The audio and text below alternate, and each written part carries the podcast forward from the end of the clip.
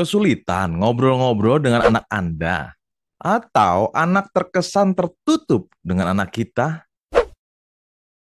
Kesel juga ya kalau kita mau ngobrol-ngobrol dengan anak kita, tapi kita malah dicuekin atau ngomong seperlunya. Wajar juga sih kalau kita merasa bingung dan kesel ketika anak kita tertutup. Berikut ini salah satu tips agar anak kita nyaman ngobrol-ngobrol dengan kita yaitu fokuslah membicarakan kesukaan anak kita. Mengapa demikian? Karena anak remaja itu adalah makhluk egois. Tanyakan apa pun apa yang dia sukai dan cobalah terjun apa yang mereka sukai. Itu saja, semoga terbantu ya guys.